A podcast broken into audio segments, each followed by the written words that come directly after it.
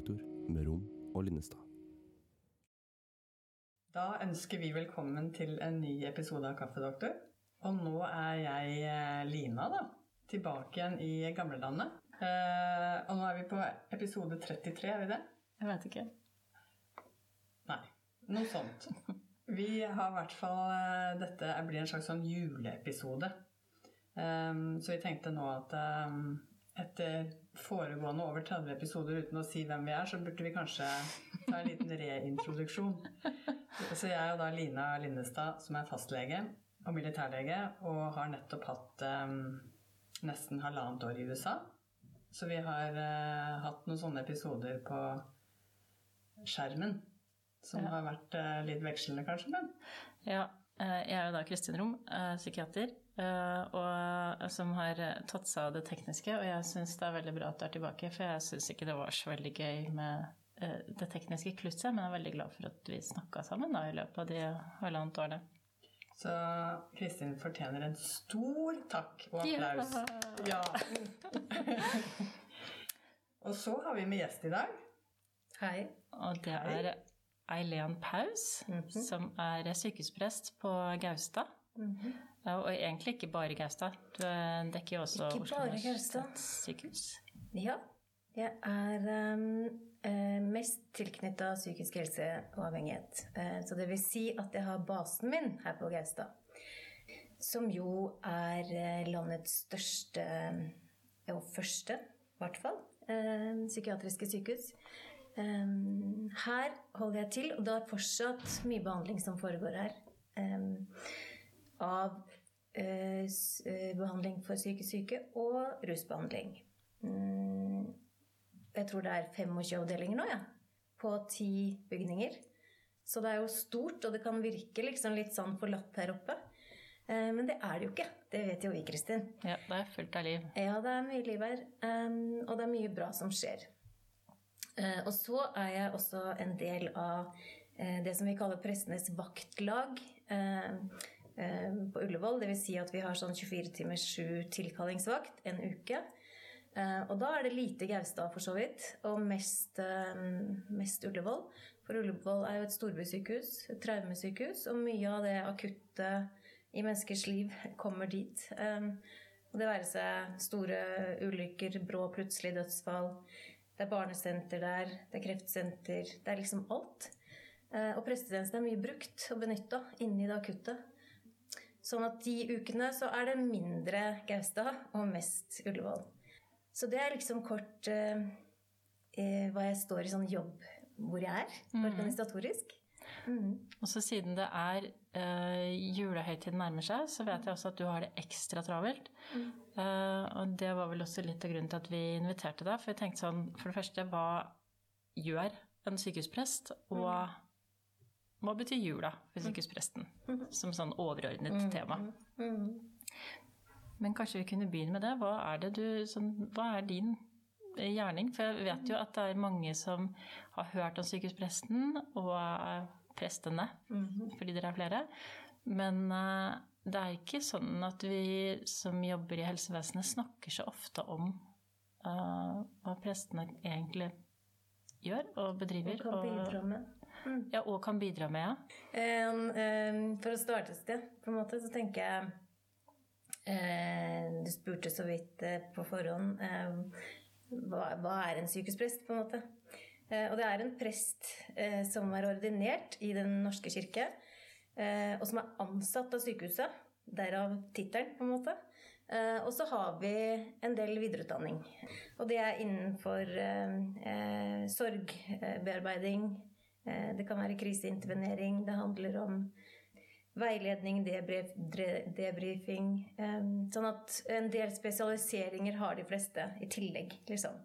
Og så er det en ganske sånn veletablert ordning. Det har vært sykehusprester i veldig mange år. Jeg tror det var 175, litt usikker, 150 eller 175 eh, årsjubileum for den første sykehuspresten på Ullevål nå for et par år siden sier jo om en ganske lang tradisjon, og er ganske sånn integrert i helseforetakene og i, eh, i sykehuset, da.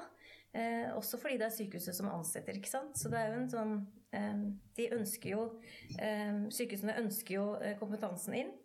Og jeg tror det handler om den derre tanken, heldigvis, som vi har om at, eh, at vi ønsker en helhetlig omsorg for menneskene og for pasientene.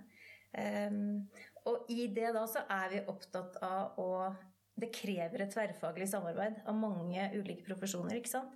Både innenfor psykisk helse og rus, og innenfor somatikk, tenker jeg.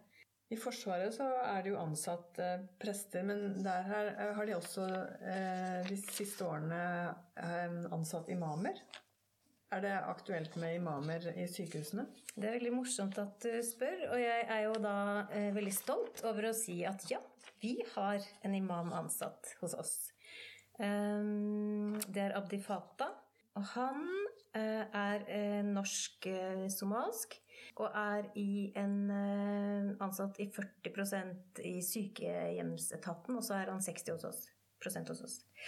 Eh, Men i tillegg til han, og det er helt fantastisk å ha han med i teamet Det er kjempespennende både for, eh, for eh, Vi lærer masse for oss eh, og han, tror jeg. Men eh, det er jo også sånn at vi har Vi tilbyr jo samtalepartnere fra ulike tros- og livssynssamfunn. eh, Og det er en stor pool hos oss. Ti ulike tros- og livssynssamfunn. Det er Human-Etisk Forbund, eh, det er kristendom og ulike retninger, Metodistkirken, Venners eh, samfunn, som, ja, og ulike retninger. Eh, Buddhisme, islam, hinduisme. Så det er et bredt spekter som vi kan For det er jo sånn at uh, selv om jeg sier at alle kan snakke med sykehusprest, så kan det jo være en katolikk f.eks. som vil ha spesielle uh, et eh, sakrament ved dødsfall. Um, en muslim som vil trenge noe annet som en imam må bidra med, som bare imamen har i sin verktøykasse. Sånn at uh, sykehuspresttjenesten er de som administrerer vakttelefonen. Um, også i forhold til samtalepartnere. Og de er ikke ansatt av sykehuset, så det kan ta litt lengre tid uh, å få tak i folk. Men ofte så syns jeg de er eh, supergode på å komme. Har dere noen grupper sammen, eller møtes dere sammen? Eh, Ja, det er vel to fagkvelder uh, i året, tenker jeg i hvert fall. Uh, og så prøver vi å fordele litt, ja. Så, mm, men vi har, er sammen med dem stadig. Mm. Og er inne med ulike temaer og undervisningskvelder. Og, og så tenker jeg alltid når jeg møter nye pasienter her, at et sykehusopphold her det er en stor påkjenning for eh, både pasient, men også for pårørende og hele nettverket rundt. Om hun er innlagt for første eller for n-te gang her, så er det å være pasient, også i somatikk for så vidt, en livskrise da, på et eller annet vis. Og i kriser så tror jeg at det er noe eksistensielt, eller de eksistensielle spørsmålene som våkner i oss de fleste, som begynner å stille spørsmål om mening, eh, hvorfor meg, ja, de eksistensielle grunnspørsmåla våre er ganske like, uansett og helt uavhengig av hva vi tenker eller tror. Um, og inn i det landskapet er det jo vi har ører og, er, og skal være, tenker jeg. Um, eh, jeg tror at sånn rent allmennmenneskelig så vil spørsmålet om mening um, være viktig for oss. Og dere er ikke sånn veldig strengt knyttet til kristendom. Ikke sant? Dere er Nei. mye mer sånn em, spørsmål om livet, som du sier, uten at det knyttes veldig strengt mot en tro. Ja, absolutt. Alle kan ta kontakt med sykehusprest, uansett og uavhengig av tro. Fordi at vi har kompetanse på å lytte oss inn i det eksistensielle, åndelige em, på en måte, altså universet. Eh, Men jeg kan si litt mer om det etterpå. Men jeg tenker eh, ja, absolutt. Liksom, at vi, men, men samtidig så har vi jo noen redskaper også eh, som vi kan rasle med, på en måte, i verktøykassa som er litt annerledes, da, og som vi også opplever at har verdi for mange. Men, men eh, jeg tror jo at også eh, i det eksistensielle De store eksistensielle spørsmåla blir stilt, så, eh, så blir også tro og søken viktig på en ny måte, eller kan bli for mange. Og kanskje særlig når man er psykisk syk, tror jeg. For da er man på leiting på et eller annet vis etter mening og sammenheng enda mer, da. Ja, For jeg skulle nesten til å si det at noen ganger så opplever jeg med våre pasienter at det kan nesten være den troen og søken som kom først. Mm. Eller som en start på sykdommen, da. Mm. At uh, kanskje i somatikken så er det mer sånn du blir syk, og så kommer de eksistensielle spørsmålene. Men jeg opplever at en del av våre pasienter har liksom starta med de eksistensielle spørsmålene, som så har blitt en så sterk grubling Ja, og nedadgående spiral at de har Kan jeg kjenne igjen. endt med å bli syke. Men det var ikke noe reklame for troen. Nei, men det vi gjør jo på en måte kanskje at den mer eksistensielle samtalen som kom tilbys via dere, kanskje noen ganger kan være vel så effektfull som det å snakke med eh, et helsepersonell. Da. At det er en annen type eh, du, du møter et annet type behov. Ja, Det er viktig i hvert fall at pasienten blir møtt med forståelse for det, tenker jeg. Enten om det er psykiateren som møter det eh, og, og lytter seg inn og hører at det er det det er. Mm. eller om det er eh, eh, at, at, det er vi, at vi kobles på. Eller om det er fastlegen, for så vidt. Ja, jeg. jeg kjenner meg veldig igjen i det du sier med å tenke hele mennesket og Ja. gripe om hele. Jeg føler jo veldig at det er i min jobb også, at det er nødvendig. Det vil jeg jo tro. Absolutt. Men, jeg- men jeg føler jo at det, det kommer litt uti um, eh, kjennskap til noe om dette med tro.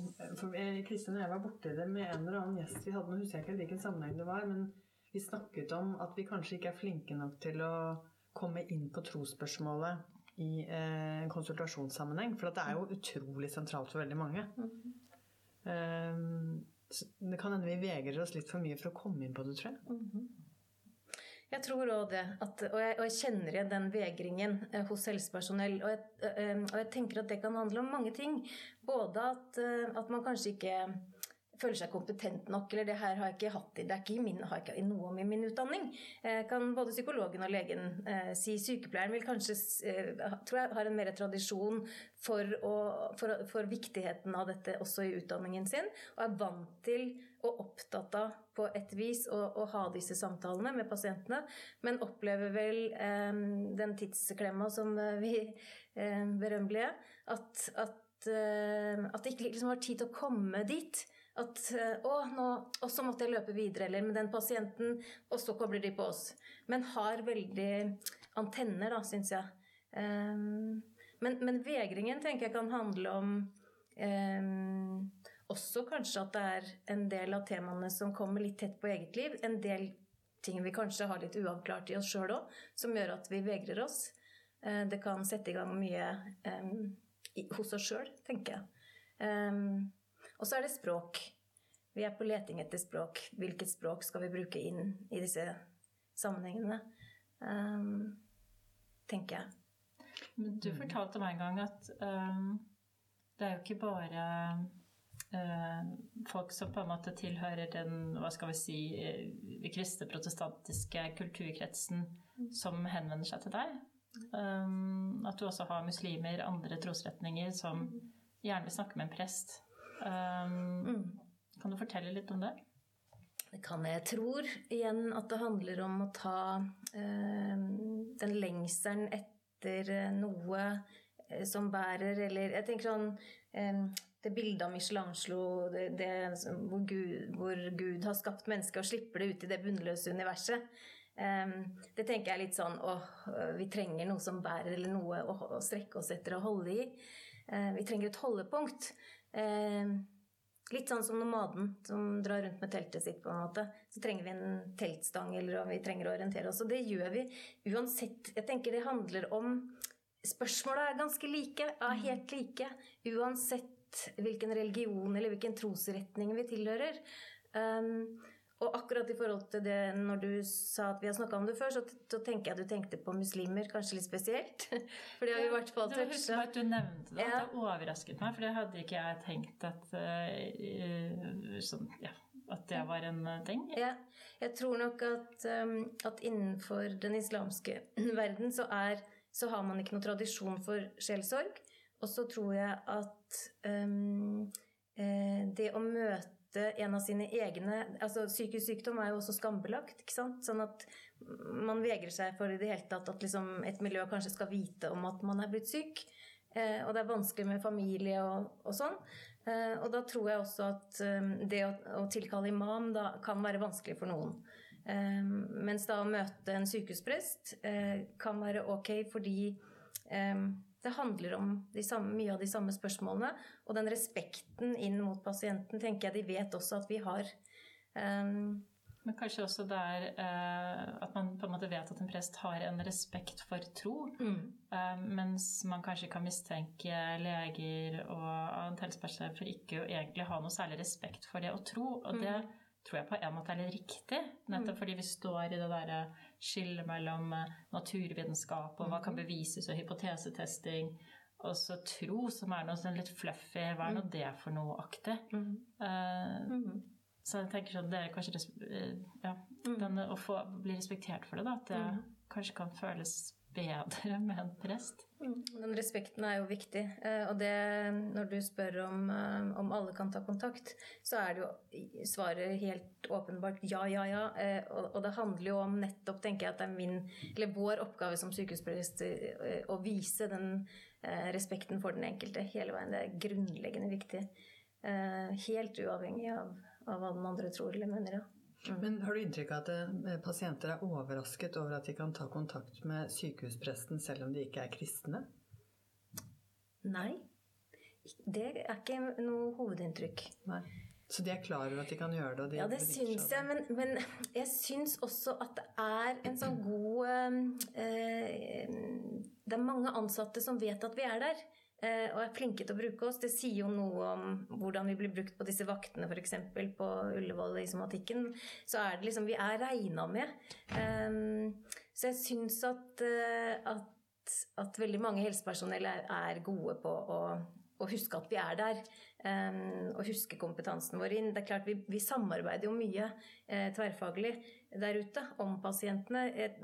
Her i min For å gå litt tilbake til det, da, for å snakke om hva gjør jeg, liksom.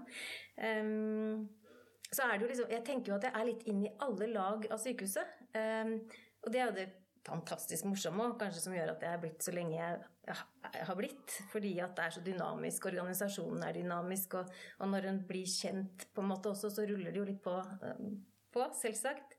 Um, men jeg tenker i tillegg til sånn én-til-én-samtaler og sjelsorgsamtaler og sånn, så er det jo driver jeg jo mye pasientgrupper, ikke sant? Med eksistensielt fokus.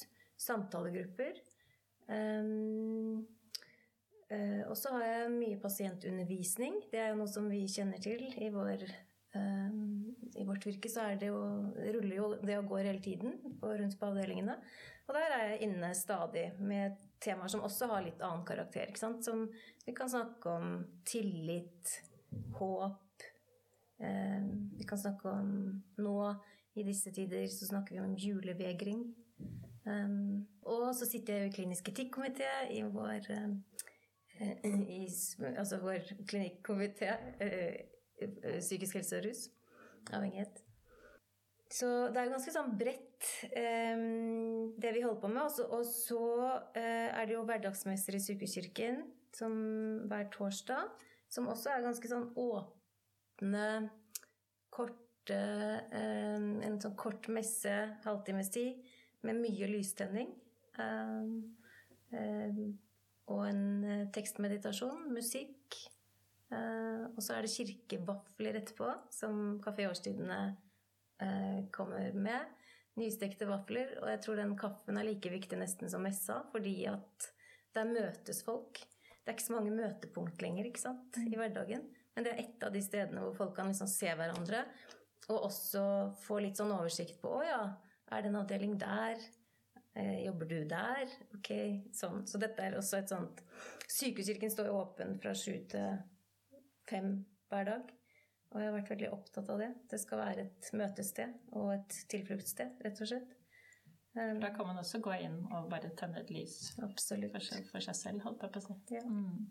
Det høres veldig variert ut. Mm. Det er veldig variert. Mm. Hvem er det som, som primært kontakter deg? Hva slags type problemstillinger er det? Vi er jo som sagt ansatte av sykehuset, så det betyr liksom at både Pasienter og pårørende og ansatte kan ta kontakt. Eh, og det er stort sett eh, ansatte som, eh, som, som kontakter meg.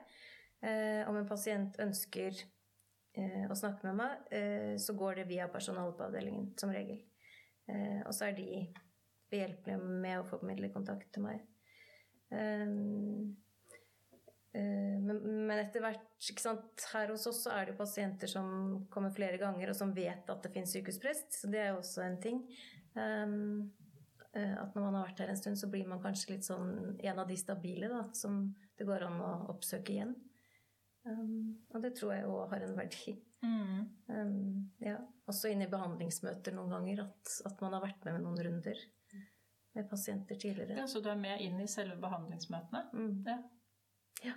På de pasientene jeg står i kontakt med. Jeg jobber jo veldig tverrfaglig med mm. de mm, rundt. Hva slags tid har du egentlig? Altså, når du skal ha en samtale med en pasient, hvor mye tid kan du sette av til en? Ja, det er et godt spørsmål. Ehm, jeg tenker vel eh, sånn i mitt hode at rammen er tre kvarter. Men ehm, så syns jeg at veldig ofte så holder det med kortere tid eh, hvis man er psykisk syk, eller at, hvis man er psykotisk og det er kaos. Mm -hmm. så, jeg, så, jeg, tror nok at jeg bruker litt tid alltid på vaktrommet. Jeg kobler meg jo alltid på. Mm -hmm. Er det noe jeg trenger å vite um, om dagen? Um, og så Ja, så tre kvarter tror jeg liksom kan jeg kan si er ramma. Mm. Og det er det samme for psykiatrien og somatikken, føler du? Ja, det syns jeg. Ja. Tenker det. Mm. Men, men, det er klart at i akutte kriser eller ting når, når det er Så kan det jo gå timevis på Ullevål at vi følger en familie fra akuttmottaket når de kommer inn og lurer på Men jeg har jo akkurat snakket med vedkommende, det kan ikke være riktig at det er Og så er vi der og følger kanskje til helt til slutt. Så dere har muligheten til å sette av den tiden hvis det trengs, på en måte? Ja, jeg tenker at vi har muligheten til å sette av tid. Ja. Mm. Det er jo veldig godt at det er en viss fleksibilitet der. sånn at. Ja. Og det er vel kanskje et stikkord når vi i stad snakka om den vegringen for å gå inn i disse samtalene også. Det tar jo tid. Og den tiden tenker jeg at jeg må ta, ja. Mm. Hvordan opplever du det? For du har jo, sånn som du sier, mine er på Ullevål, og der hvor det er eh, kanskje mer sånn somatiske problemstillinger. Mm. Um, fordi det hører man jo litt om sånn at man, at man venner seg til Gud selv om man ikke har trodd før i det hele tatt, når det inntreffer noe dramatisk. Er det også din uh, opplevelse at det, mm. folk blir plutselig litt mer tvilende, selv om du egentlig alltid har tenkt 'jeg tror ikke på Gud'? Ja. Ja, jeg tror det er noe sant i det, Kristin. Jeg tror at, eh, jeg tror at for mange eh, Jeg tror alle forholder seg til tro på et eller annet plan. Selv den som velger å si at jeg ikke gjør det, har jo bestemt seg for å ikke gjøre det. Mm. Så på et nivå så forholder vi oss til en tro, alle. Eh, og jeg tror at når livet går liksom greit for oss, så klarer vi oss egentlig rimelig godt. De fleste av oss.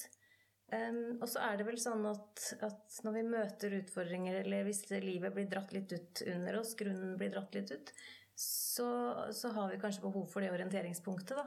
Um, eller for å tro at noe, er, eh, noe bærer under, eller at noe er større enn meg sjøl. Um, og det kommer kanskje litt i kriser. Jeg, mm. mm så, så, jeg kjenner igjen det. At um, Jeg syns jo noen ganger også at jeg kan komme på en tilkalling hvor man eh, Hvor jeg liksom kan ane at det egentlig er de verktøya jeg har med, som er det folk spør om. Uh, og det kan være eh, bønn, forbønn. At vi liksom legger det over til noe som er større, og at jeg representerer den troen. Mm.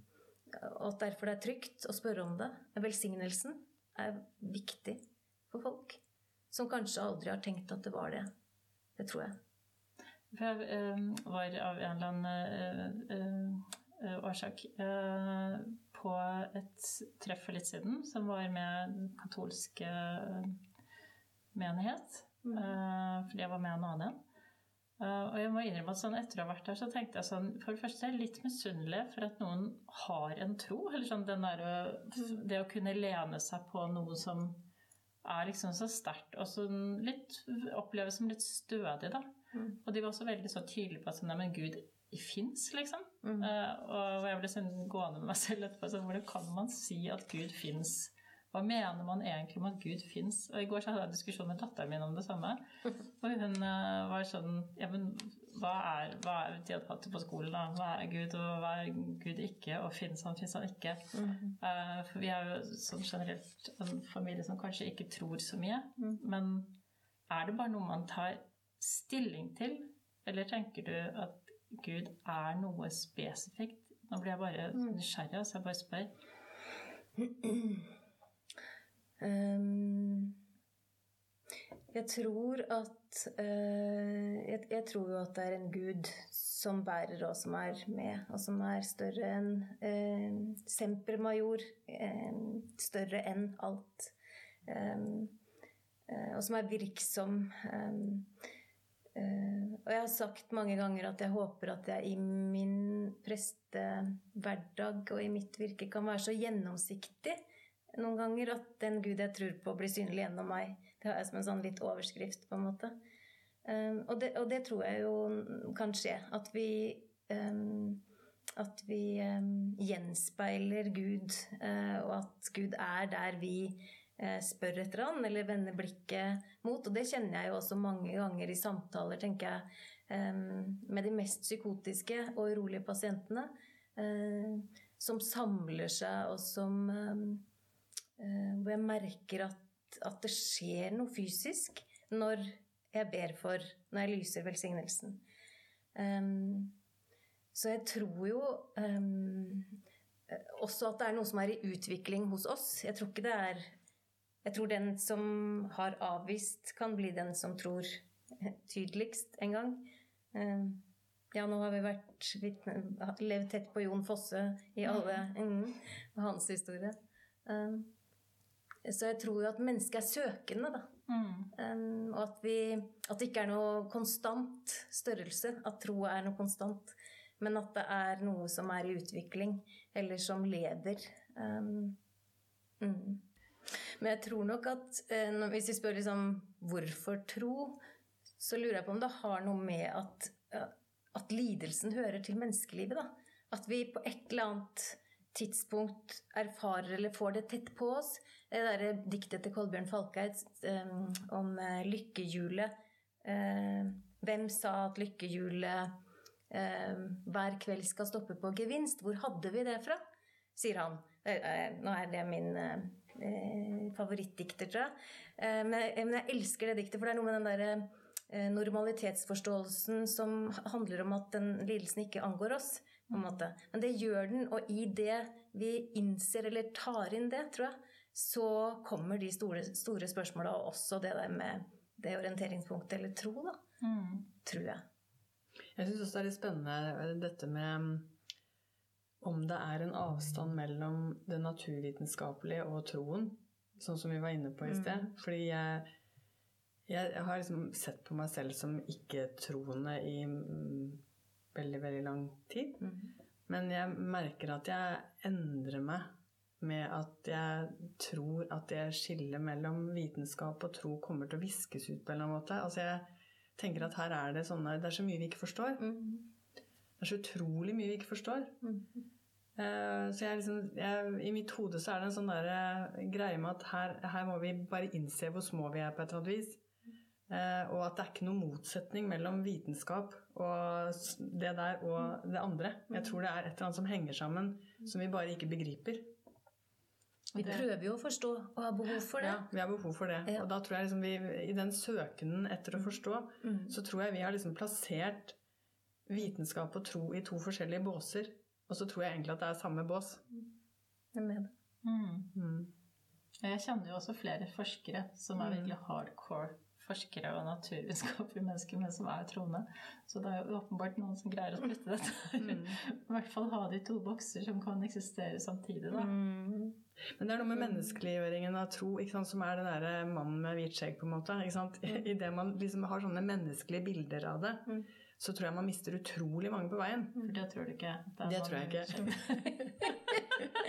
det er julenissen. Det, det er julenissen, ja. Det går an å tro på han òg. Det er også en tro. Men jeg tror i hvert fall ikke det er noe skott her. Jeg tror liksom alt henger sammen gjennom en mm. greie vi ikke bare helt begriper. Mm. Det er blitt min tro. Mm. Mm. Jeg vet ikke om man skal kalle det en ateistvariant av tro eller en agnostikervariant av tro, men, men det er jo også, Jeg tenker jo også at mye av min jobb i psykisk eh, helse eh, som sykehusprest er jo også å rydde opp i den troen som har vært ødeleggende, for den kan jo også være til plunder og heft for folk. Veldig. Mm. Og det handler jo om alt man kommer med i bagasjen. Mm. Um, og, og, og, tro, eller miljø, trosmiljøer, er jo også en del av det som, som kan ha påført erfaringer som er veldig vanskelige og vonde, og som gjør noe med gudsbildet. Eh, som kan gjøre at man har en streng eller dømmende gud, eller og liksom at det er blitt sannheten, ikke sant? og inn i det psykotiske materialet. Sånn at eh, en del, stor del av min jobb her, tenker jeg, er jo å kakke litt hull på de gudsbildene, da, eller å på en måte lete etter språk. Og, og, kanskje også hjelpe folk å legge fra seg tro. Mm. Eh, rett og slett. Mm. Og de der pasientene kjenner jeg også. Jeg har mange av dem. Mm. Så det er også en side av saken som gjør at jeg også får litt sånn mm.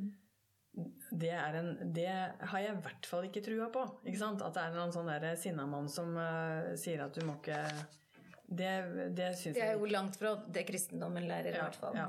Ja, men er det ikke noen Det er vel noen retninger innenfor kristendommen også som er ganske strenge?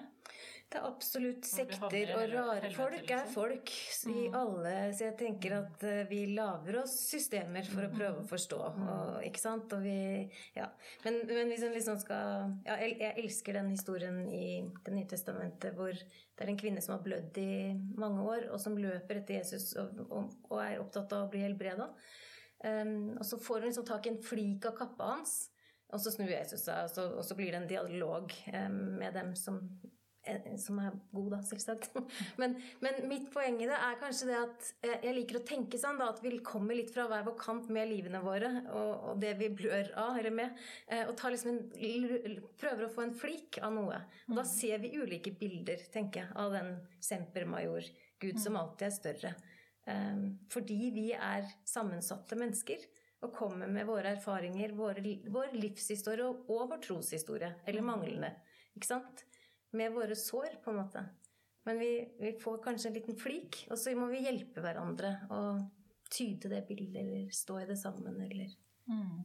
ja. Noen ganger så er det til plunder og heft, og noen ganger så gir det mot og styrke og er um, bra. Mm. Mm. Men det er et annet um, spørsmål jeg tenkte jeg må også spørre deg om. Det med sjelesorg. Fordi du snakker om det som et helt naturlig begrep. Men mhm. jeg, for meg er det litt fremmed hva mhm. sjelesorg er for noe. Ja, det skjønner jeg. Det er i hvert fall sikkert at liksom har vært Sjelesorg har vært der fra kirkens første dag. Um, og igjen tror jeg fordi at mennesket er et krevende og sårbart prosjekt. Eh, at vi har hatt behov for ehm, å tro på en gud som vi opplever og erfarer igjen og igjen at ikke fjerner lidelsen eller problemene våre. Ehm, og derfor tror jeg at alle tider så har mennesket søkt andre mennesker. Søkt etter et ansikt som åpner seg, søkt etter hender som hjelper, etter varme hjerter. Og det har Kirken drevet med, og samtidig trodd på denne guden, eller holdt, holdt det opp.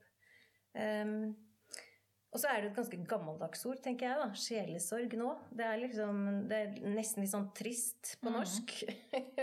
det er ikke noe sånn um, Ordet kommer fra tysk. Uh, sånn at når det oversettes til oss, så blir det jo sjeleomsorg, egentlig. Da høres det liksom litt bedre ut. Eh, det er ikke helt gitt at vi liksom kan få sagt noe meningsfylt om hva sjel er. Det er vel det. ikke sant? Og da eh, tenker jeg at sjel i Bibelens skapelsesfortelling sier noe om at mennesket blir til ved at Gud puster sin pust inn i jord. I første Mosebok så står det at mennesket ble en levende sjel når det skjedde. Eh, og i moderne sjelesorg så tenker vi jo da, og er opptatt av akkurat det, at mennesket er en enhet, en helhet. Um, og sånn sett så er det en måte å se sjelesorg på, da. At det er omsorg for det hele. For helheten, ja. Mm. Og da blir jo sjel en sånn blanding av det vi kan kalle i vårt fag også identitet. Det er personlig historie, det er følelser, mm. det er erfaringer. Um, sånn at det handler om å gi plass til både den åndelige og sjelelige siden ved det å være menneske, like mye som det handler om å gi plass for det rare gode og vonde erfaringer vi drasser med oss. på en måte. Mm. Det var veldig sånn oppklarende å tenke på det som omsorg. Eh, sjelesorg høres veldig sånn at man sitter og sørger sammen. Ja, og det... Men det er egentlig at man har omsorg for, ja, for helheten, da, mens vi kanskje behandler en del, eller man har kreft, og så behandler man kreften. Men at man har liksom omsorg for helheten. Akkurat som mot fastlegen. Akkurat som mot fastlegen. Kanskje du egentlig driver med sjelesorg hele tiden? Ja, det er akkurat det. Det tror jeg. Det er mye god sjelesorg der ute. Ja, det tror jeg. Mm. Mm. Ja, Men i, i sånn, i, det er jo også en, en, fagdisiplin, på en måte, sjelesorg. Og jeg tenker at um, eh, i min jobb så handler det jo også mye om de, samt, de enkeltsamtalene. Å gi folk Å hjelpe til å lete etter fortellinger eller poesi eller eh, andre erfaringer som er med på å liksom utfylle eh, den helheten av mennesket. Mm. Mm. Som jeg gjorde nå med den eh, fortellingen med kvinnen, ja, kvinnen med blødninger. Bruker du mye sitater fra Bibelen eller historier som du kjenner? Jeg leter etter hvor folk er litt. Uh, og ofte så har de med seg en del uh, fortsatt. uh, som de har lært på skolen, eller har noen fortellinger de er glad i eller lurer på eller kommer på. ja, og som vi kan hente fram igjen, liksom. Men hvis det er en absolutt ikke-troende, da bruker du kanskje ikke så mye sånne ikke. bilder? Nei. Nei, det er helt riktig. Akkurat sånn. Mm. Mm. Da leter vi etter noe annet. Ja, ja. ja, Men kanskje kan det være et dikt eller en, en litteratur eller et eller annet vi kan koble på. Mm. Ja, for bare det å kunne dele med andre Som du sier, dikt kan jo ofte være veldig sånn godt bilde på at andre deler de samme følelsene, mm. eller mm. Um, Og det er jo mye sjelesorg i det, sikkert. Mm. At man kjenner seg igjen. Ja. Og så kjenner jeg nok også den eh, biten Når man kommer som sykehusprest, så tror jeg ofte at man minner om noe annet. Det er jo veldig Eh, det høres kanskje rart ut, men, men det, jeg syns jo bare jeg går i gangen her, og en sier, kan gå sammen, og så uh, kommer det en eller annen Å, gud Å, oh, nei, nei, nå glemte jeg meg, du er jo her. Altså akkurat som om man liksom Så, så den derre I kraft av rollen, bare, så minner man om noe annet. Som setter i gang kanskje andre samtaler ofte. Um, I alle lag av sykehuset. Så sånn sett så er det en sånn Ja, en sånn bredde Eh, som er ganske fin i det. Mm. Men Setter du i gang andre samtaler også blant helsepersonell, tror du? Ja, det tror jeg. Mm. Etisk refleksjon. Ja. Eh, nå sitter jeg jo i etikkomiteen, så det er klart at det også spiller jo inn. Um, men sånn at de, ofte her så, så er, er vi, har vi jo hatt drøftinger og kommet inn på innsiden i avdelingene. Um, men jeg tror det på mm. flere vis at uh, mm blir andre samtaler. Mm. Og nå er det jo jul, og da har du det litt ekstra travelt. Ja, jeg tenker det. Eh, at det er eh, høysesong for oss. Eller det, er, det merkes og oppleves sånn. Um, um, kan du fortelle litt om hva, hva, slags type samtaler er det som preger jula? Mm. Jeg tror det handler om at jula er en rar tid. Advent og jul for oss. Og det er vel kanskje for de fleste av oss. Jeg snakker jo med folk eh, som opplever mye smerte hele året, men jeg syns det er eh, Og opplever at det er ekstra mye i disse desemberukene. Eh, og derfor så var jeg for mange år siden um, ble jeg opptatt av dette med høytidsvegring, som jeg syns jeg merka. Um, og jeg er mye rundt på avdelinger og har både pasientundervisning eller grupper hvor, hvor det er tema. Um, fordi jeg tror at mange vegrer seg mm. til jul. Jeg tror mange gruer seg. Um, det er litt sånn, Jula er sånn som et sånt forstørrelsesglass hvor uh, ting som er bra, de blir kanskje bedre eller er gode. Og så er ting som er vonde, de blir ganske mye vondere. Um, og det handler vel om litt av det der glansbildet som overalt hvor vi eh, går, så er det glansa. Det er hvit jul, og folk Fasade. er på hjemme, det er ringlende ja. bjeller, og man venter ja. på den store julemiddagen. Ja. Eh, og så er ikke virkeligheten sånn blant de fleste hjem, det vet jo vi, men hvis man sliter fra før og opplever ensomheten og eh, det å ikke kunne være med på festen, da. Eh, Noen gang så blir desemberukene ganske lange. Det var en pasient som sa forrige uke det er jo ikke julaften jeg gruer for. Det er, jo, det er jo alt det andre. Det er jo hele desember. Jeg syns det er litt bra, for jeg ser nå Jeg synes det reflekteres litt i julemusikk at nå er det ikke bare sånn glansbildejulemusikk lenger, men det er noen sanger som er ganske sånn følsomme mm. om at det er en vanskelig tid for mange. Mm. Det syns jeg har endret seg i løpet av ganske kort tid nå. At det er mye mer av det enn det var for kanskje ti år siden. Mm. Det syns jeg er fint. Det er fint. Men når dere har en gruppe, f.eks., mm. julevegringsgruppe, Mm. eh, hvordan er det den foregår? Det kan være sånn at jeg sier noe litt av det jeg sa nå. At jeg har noen sånne innledende eh, Bare noen knagger for å liksom sette oss litt i gang. Eh, så tror jeg kanskje igjen ofte at det blir andre samtaler. eh, fordi at eh, Jeg kan òg si at jeg kan grue meg til jul, eller um, uten å være privat i det, så setter man i gang en samtale som blir litt på, på alles premisser. Her er vi. Jeg tror, tror på det vi-et. Um, og da, da syns jeg det kommer um, ofte mange historier. Og det å dele med hverandre er jo òg en god ting. Sånn at den ensomheten, eller det jeg tenkte, gjenkjenner jeg i, hos han, eller hun bekrefta at jeg Å ja, så kjenner vi at vi er vi, og noen, kan gjøre noen felles erfaringer. Ja, og så er det en, eh, en, Hva skal man si En omsorg i det Mm. for hverandre, og nå kanskje også for seg selv. Mm. Gruppeformatet er bare helt utrolig effektivt. Veldig gjelder, eh, fint. Ja, Veldig fint. Det Veldig glad i grupper. Ja, det er det. Ja.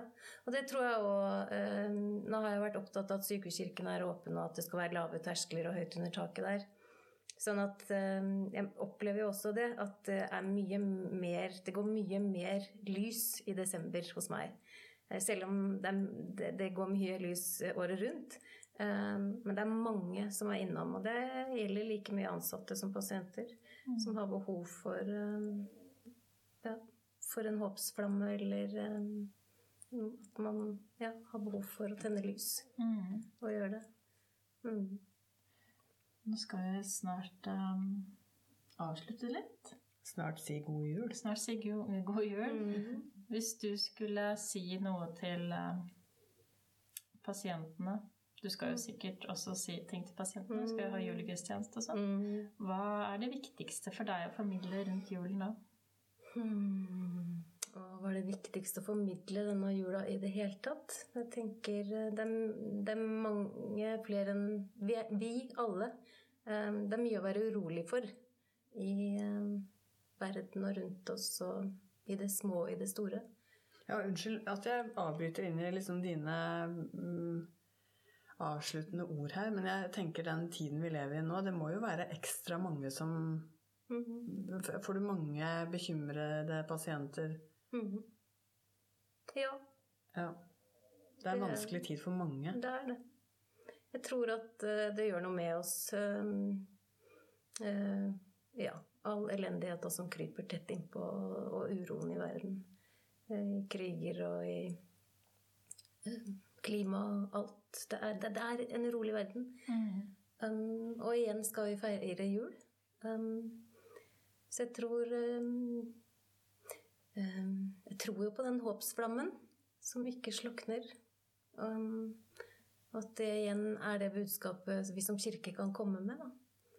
Um, at vi tror at det er en som bærer under. At vi tror at um, Gud kommer på nytt og på nytt. Uh, for det er jo det jula handler om. At Gud blir menneske inn i vår verden, inn i lidelsen vår. Og går sammen med. Um, selv om det ikke kan bør oppleve, Eller at vi opplever det sånn.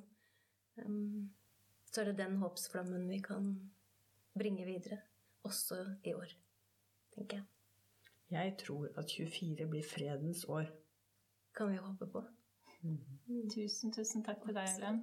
Tusen takk for at du kom. Da sier vi god jul. God jul.